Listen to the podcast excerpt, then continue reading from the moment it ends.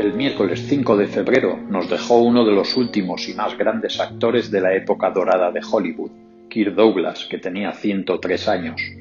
Aunque algunas de las generaciones actuales lo conocen por ser el padre del también actor Michael Douglas, Kirk tiene una larga filmografía con una buena colección de obras maestras. Hijo de padres judíos que huyeron de Rusia y con una dura niñez y adolescencia, luchó por ganarse un hueco en el mundo de la interpretación.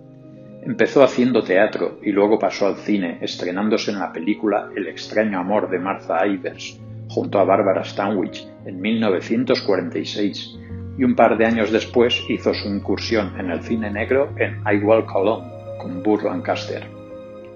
Con su rostro marcado por sus rasgos fuertes y barbilla partida, acompañado de un gran talento y una voz raspada que sabía utilizar muy bien, se fue labrando un currículum con películas de la talla de El ídolo de barro, El gran carnaval, Cautivos del mal, El loco del pelo rojo, Duelo de Titanes, Senderos de Gloria, Los Vikingos, Espartaco, que sería su película más popular, Un extraño en mi vida, La Furia, Carta a tres esposas o El trompetista, entre muchas otras.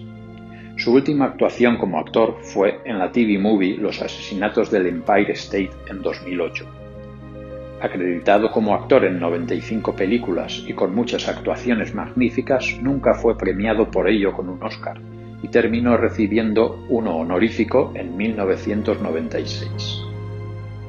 Con el fallecimiento de Douglas se va uno de los pocos que quedan del Hollywood dorado, aunque no es el último grande como dicen algunos medios. Ahí está Olivia de Havilland, también con 103 años y una larguísima filmografía, que empezó a triunfar en Hollywood una década antes de que lo hiciera Kirk Douglas.